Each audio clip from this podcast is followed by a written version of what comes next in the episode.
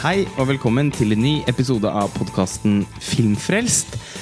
Vi er fortsatt på plass i Cannes. Mitt navn er Lars Ole Kristiansen, og jeg sitter her sammen med Roskva Korysinski. Hallo. I går eh, natt så eh, opplevde vi premieren på Gaspar Noés nye eh, novellefilm, skråstrek kunstprosjekt, eh, skråstrek event. Eh, Lux Aterna med Charlotte Gainsbourg og Beatrice Dahl i hovedrollene. Hvor skal vi begynne, Roskva? Man må jo nesten si noe om alt som foregikk rundt. Ja. øh, som vi snakket litt om i går kveld på vei hjem også, så var ikke det er vanskelig å se den filmen uten å ha minnene fra gårsdagen friskt, liksom. Øh, som et bakteppe. Eh, for vi satt jo da en time i salen og ventet og ventet. Og jeg mistenker at vi ventet på at uh, denne gjengen med Disney-skurker skulle dukke opp på den røde løperen. Og da de omsider kom, var hele castet kledd i svart. alle var sånn eiendommelig vakre på sitt vis. Alle så litt rusa ut. og de bare sto på den røde løperen som en sånn gjeng som har klart å liksom skyte noen som kom til å nærme seg dem. Uh, og de sto der i tre kvarter kanskje og bare poserte og røykte og stirret liksom hånlig ut på forsamlingen. Akkurat sånn var det. Uh, det gikk med i hvert fall en pakke sigaretter i løpet av de ja, 40 minuttene eller noe de sto der. Uh, visningen skulle egentlig begynne kvart over tolv, altså over midnatt, da. Og var ikke i gang før over, altså litt over klokka ett. Og de, eh, Gaspar Noé er, han er litt sånn kongen av Cannes hver gang han kommer. Fordi på en, på en, eller annen merkelig måte Se om folk har ikke lyst til å se filmene hans når de kommer på kino. Men eh, han bidrar med en eller annen sånn type Han representerer noe sånn skummelt som folk blir litt sånn gira av. Mm. Og det er noe med han som ikke passer inn i det festivalpalasset og sånn, som også gjør at man får følelsen av hver gang han kommer med sin med sånn kortesje med kule folk eh, og rare folk, så, så, et, så, skapes en sånn følelse av at det kommer noen sånn punkere og inntar ja, det, den, borgerlige Lumière-palasset, og eh, liksom, at det er litt sånn til spott for alle de som har kledd seg opp i sin fineste kjolestas og har med seg sånn dyrkjøpte små Burberry-vesker som de har spart til for å få oppleve en gang å være i den salen og være på premiere og få sånn stjernestøv i øynene. Og at det liksom blir diskotek der inne isteden. Ja, det er litt den der gjengen fra parallellklassen som du aldri har snakket med, som sitter og røyker i skolegården, og så har du fest, hjemme alene-fest for første gang. Og så er det litt kjedelig, og så kommer de brasende inn, og du blir livredd for at de skal ødelegge huset til foreldrene dine, men du er også egentlig veldig glad for at de er der. Nettopp! Den stemningen var det i går. Ja, og det føler jeg når jeg ser Tiri Fromma, programsjefen i Cannes, som eh, på sitt sedvanlig entusiastiske vis og på kav fransk eh, hadde en kjempelang introduksjon, så får man også følelsen at han er klar over den, akkurat den følelsen. Han er også litt redd for at de skal gjøre noe som blir veldig feil, men, eh, og at de plutselig skal tenne, liksom, sitte og røyke underveis mens de ser på filmen med solbriller på. Eh, men eh, Eh, men så er, vet han også at festivalen trenger det greiene der. Mm. Og det var den første sånn vaskeekte Cannes-opplevelsen i år, eh, syns jeg. Enig. Og filmen er jo um, ja. ja, den er vanskelig å snakke om. Jeg tror det også handler om at det er en film som man kanskje bør se en gang eller to til, fordi den innbyr veldig til altså Det er et slags essay, eh, et slags kunstprosjekt, eh, som ikke nødvendigvis skal ses én gang, tenker jeg. Mm. Um, uh, men det er en slags uh, mockumentary uh, fra et filmsett. Det åpner med at Charlotte Gainsborough og Beatrice Dahl sitter i en stue eh, og skal gå i gang med et filmprosjekt. Og så begynner de mer eller mindre tilfeldig å snakke om hekser, basert på en opplevelse Beatrice Dahl har hatt på en filminnspilling for mange mange år siden, hvor hun spilte heks, heks og ble festet til en påle og skulle brennes og druknes osv. Kliss naken eh, og instruert av eh, en ja, det var vel egentlig en eh, Det var vel ikke regissøren som var problemet, men en sleazy italiensk produsent. Mm. Og da fortsetter vel filmen derfra med en slags Det er også en montasje av eh, gamle opptak eh, fra dokumentarer om eh, hekseprosessene.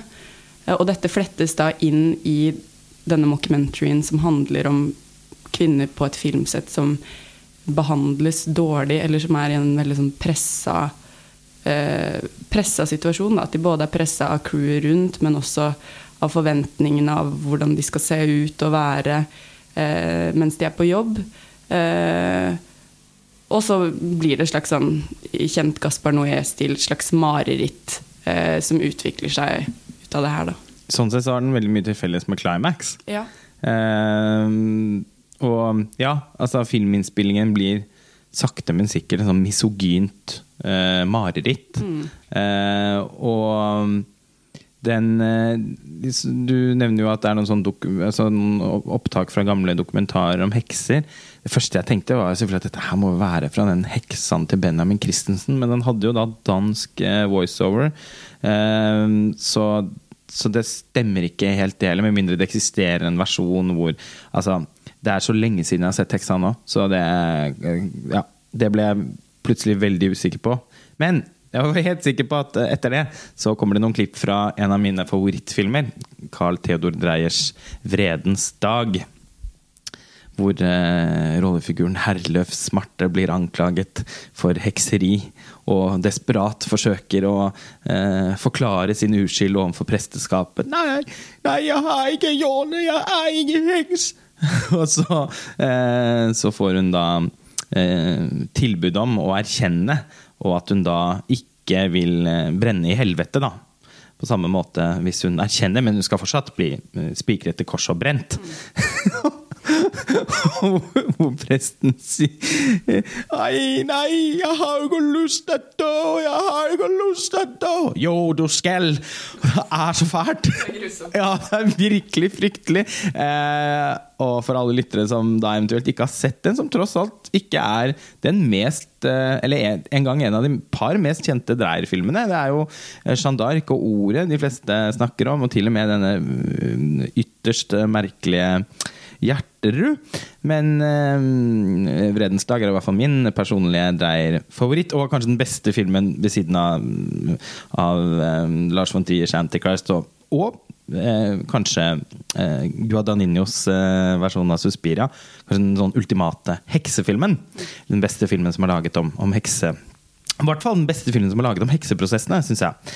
Og det setter jo tonen veldig, da. Eh, Og når Charlotte Gainsbourg og Beatrice Dahl har en samtale etterpå om eh, heks Altså sånn om, om På hvilke måter de har eh, liksom vært eller følt, spilt eller følt seg som hekser. Eh, eller vært i en hekseprosess når de har vært på en filminnspilling. Eh, plutselig så satt jeg da og tenkte at oi, det er en dokumentar.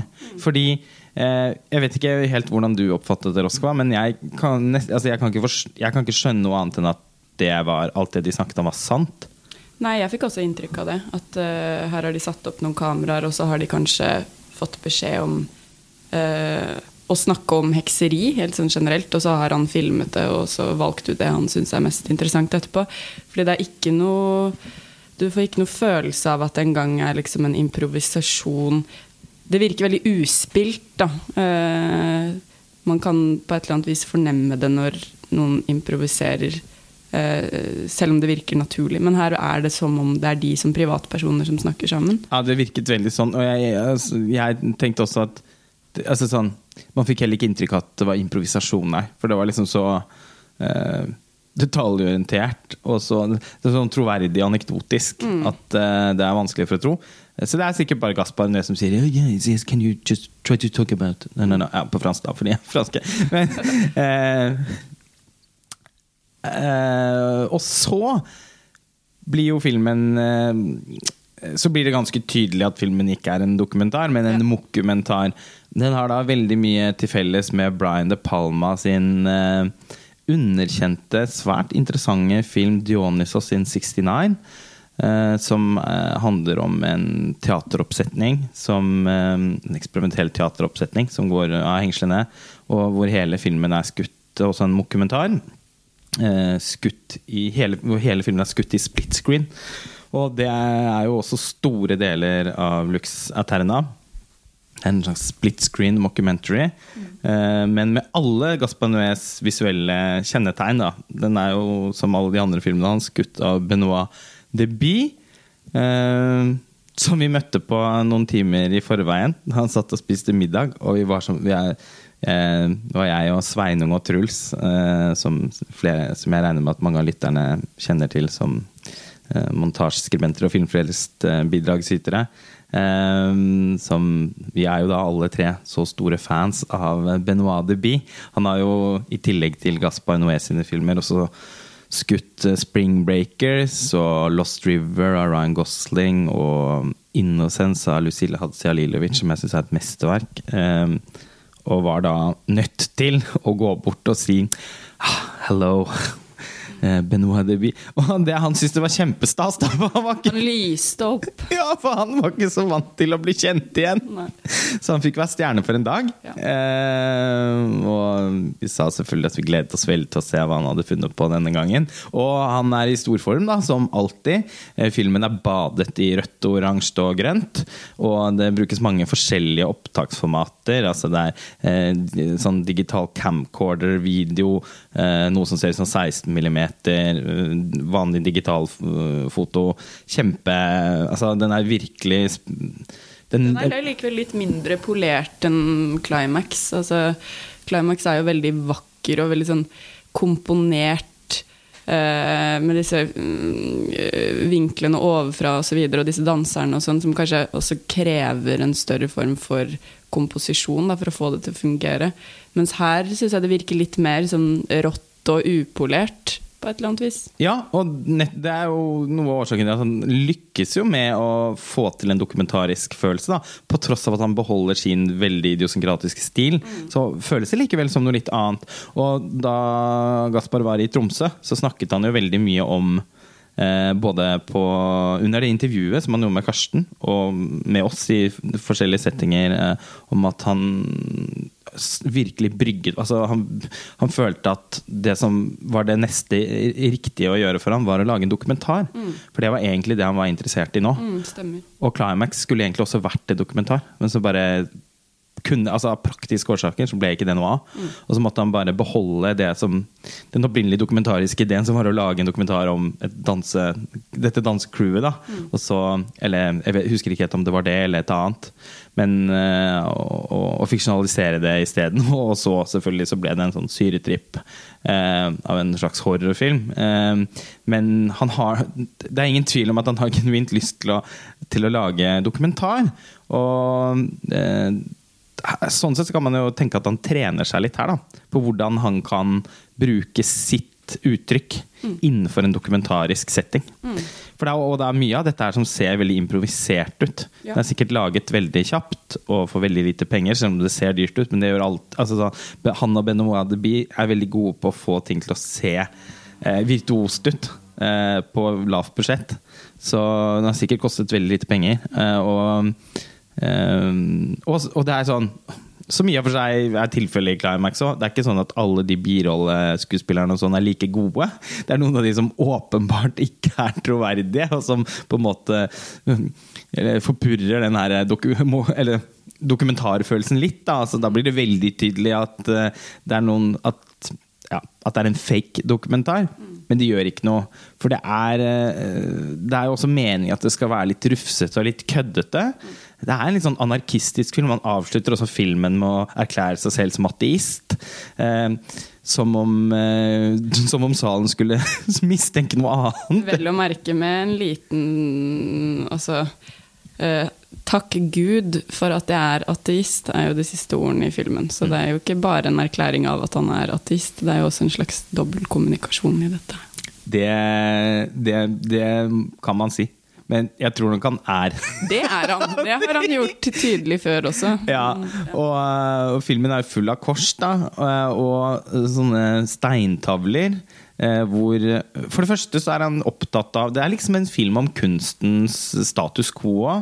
Eh, hvor han, han siterer da på sånne steintavler Dreyer og Godard og Fassbinder. eh, Og sitater fra dem som på ulike måter eh, kritiserer andre filmskapere for å ikke være kunstnere. At kunst, altså filmen skal ikke være en industri, det skal være kunstuttrykk. Og han, han setter, setter seg også da på en måte implisitt selv i sammenheng med disse store mesterne. Som, som han utmerket godt kan gjøre. Altså, han eh, er jo eh, en eh, Ja, han er jo en Han kan vise seg å bli en like betydelig filmskaper for vår tid som det Fassbinde var på 70-tallet, på en måte.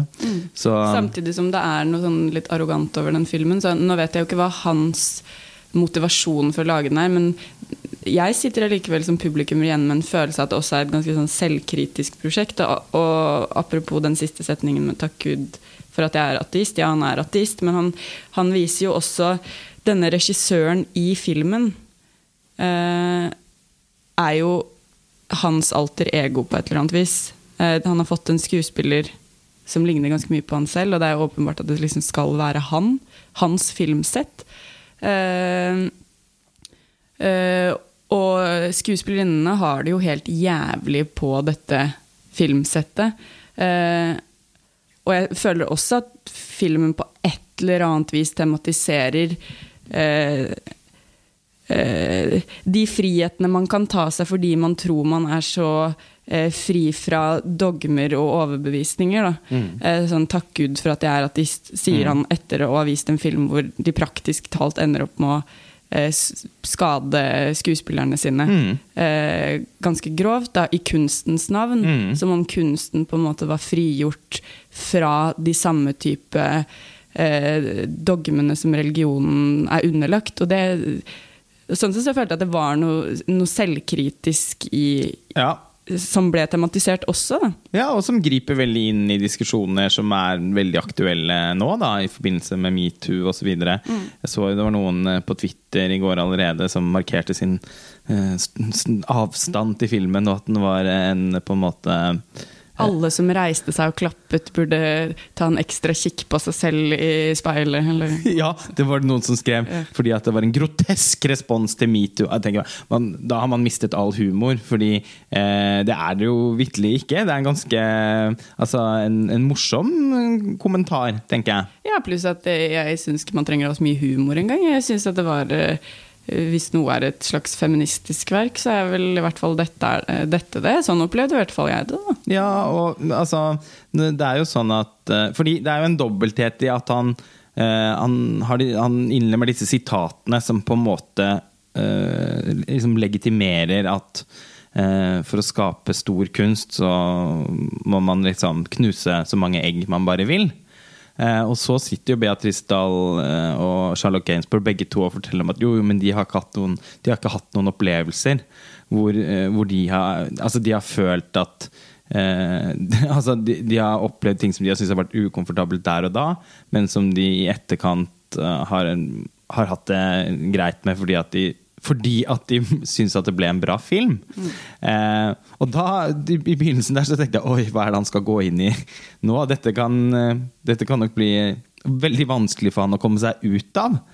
Men så motbeviser han jo det de sitter og sier, i sin helvetesaktige, eh, fake filminnspilling. Mm. Ja, for en gangs skyld også, så er ikke hovedpersonene bare sånn hysteriske, litt eh, eh, tanketomme kvinne- og mannemennesker. Altså, Charlotte Gainsboroughs karakter, eksempel, hun virker jo veldig som hun virker i virkeligheten. Altså veldig eh, rolig, eh, avbalansert, eh, ettertenksom.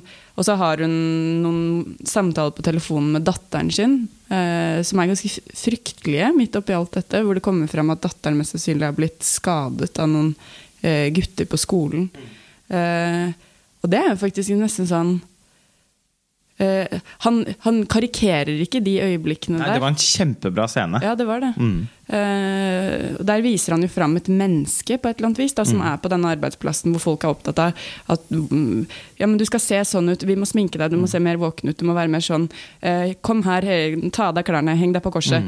Eh, mens hun har denne private For hun er jo fortsatt en mor. Da. Og Ja. Charlotte Gainsbourg i virkeligheten har tre barn. Altså, det er et veldig sånn levende øyeblikk, ja. I, og de andre blir jo de to liksom, supermodellene som kommer. Hun ene husker jeg fra au- au- australsk jeg Er vel strengt tatt uh, også skuespiller. Fra The Neon Demon. Han Carl Glussmann fra Love og The Neon Demon uh, er også med. Uh, spiller like dårlig som alltid. Eh, men, de, men hun og en annen som, ikke, som jeg har sett før, men som jeg ikke klarte å huske navnet på, eller liksom plassere, de blir jo liksom behandlet som kleshengere av eh, denne sånn homofile kostymedesigneren som liksom røsker av de det de har på seg, og kler de opp. Det var, minnet meg veldig om, om de, sesongen, de norske sesongene av Top Model, som tross alt er noe av det mest underholdende og mest hårreisende jeg har sett på norsk TV. Det er vel en grunn til at det programmet ble avviklet for en sånn, hva er det, fire år siden eller noe sånt nå. Eh, så du noen gang på det, Roskva? Ja, jeg så én sesong, tror jeg. Ja. Ja. ja, det var ganske barskt. Ja, det var kanskje det. Eh, Jeg tror ikke jeg tenkte på det sånn, men eh, ja. Jeg har aldri sett maken. Altså sånn, de fleste Når man tenker toppmodell, så tenker man på sånn, det amerikanske med Tara Banks og sånn. Men det er jo tross alt litt sånn, sånn empowering også. Eh, for de som deltar og sånn. Men det norske var jo bare helt jævlig. Eh, det er nesten som man nå, nå kjente jeg at det skulle man tatt et gjensyn med nå og egentlig diskutert litt hva man holdt på med der. Ok. Eh, men eh, det, kjolene som de kommer inn med, flekkes av, og ting eh, tres på og flekkes av på nytt igjen for å prøve noe annet. Og de blir liksom snakket til som om de ikke har noen altså sånn, Det er ikke rom for en eneste mening eller en eneste følelse fra deres side, og de blir i denne sammenhengen på parodisk vis plassert eh, på, på noen sånne kors. Det er tre kors med noen sånne fake flammer og sånn bak. Ser veldig dårlig ut. Eh, og med noen sånn moteklær. På, så jeg så for at den ene av de hadde noe sånn bobleplast og sånn, som, som ikke kan være noe annet enn en spøk fra Gaspar Noé sin side. Jeg ser for meg hvordan han har, har tenkt seg at vi må finne noen av de sånn tetteste klisjeene fra motebransjen og, og ta på dem det. Og så er det som om da hele Som en større makt, da. Gud, eventuelt. Eh, på bergmannsk vis kommer inn i studioet og lager helvete. Eh, og da begynner Noés kanskje aller største varemerke og eh, Ja, og da entrer det scenen, eh, nemlig en endeløs eh, strobelys- og bassekvens som varer i sånn 15 minutter eller noe. Aldri opplevd maken. Det var helt, eh, helt utrolig, spør du meg. Altså, det var en stor kunstopplevelse. Å kjenne altså, å, å, bli, å, å bli blendet av det lyset og kjenne den bassen i hele kroppen og bare forsvinne inn i den filmen. Eh, For mange vil det jo selvfølgelig også være tort, ren sånn audiovisuell tortur. Det har jeg jo stor forståelse for. Der har man bare for, forskjellige preferanser. Eh, Men eh, aldri har han brukt liksom de virkemidlene han er mest kjent for, på en mer sånn eh, På en måte plump og overdrevet måte her, men jeg syns faktisk at det funker, da.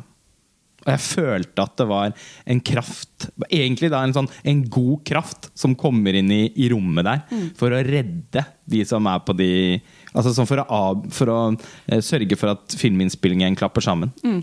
Ja, altså, jeg syns det var eh, morsomt å se noen av de reaksjonene på Twitter etterpå som du viste meg. Fordi jeg satt også igjen med en opplevelse at dette kanskje faktisk var den varmeste filmen jeg har sett av Gaspar Noé. Altså, en av grunnene til at jeg i hvert fall personlig reagerer så sterkt på filmene hans, er at de alltid gir meg en følelse av at jeg som menneske, idet jeg begynner å identifisere meg med de på skjermen, er helt overlatt til meg selv.